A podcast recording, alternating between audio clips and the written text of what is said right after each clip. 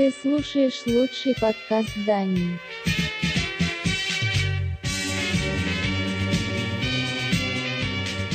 Музыкальная милиция.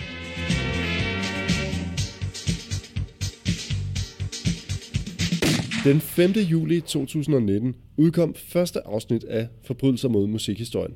Siden da har vi med lidt god vilje udsendt omkring 25 afsnit, så måske vil det her faktisk være det helt perfekte sted at stoppe. Men det gør vi nu ikke. Nej, forbrydelser mod musikhistorien fortsætter som før. Den får hverken en ny hofte eller et nyt navn. Til gengæld giver vi os selv et navn. Vi overvejede, Jeppe og Christoffer skaber fjender alle steder, men det blev lidt for langt, og derfor hedder podcasten nu Musikmilitsen. Så tænker du måske, hvorfor skifter podcasten navn, hvis forbrydelser mod musikhistorien bliver ved med at hedde forbrydelser mod musikhistorien? Men øh, det er simpelthen fordi, at øh, med tiden kommer der jo andre ting ind på kanalen også. Der kommer blandt andet en form for nyhedsprogram med lidt kortere indslag.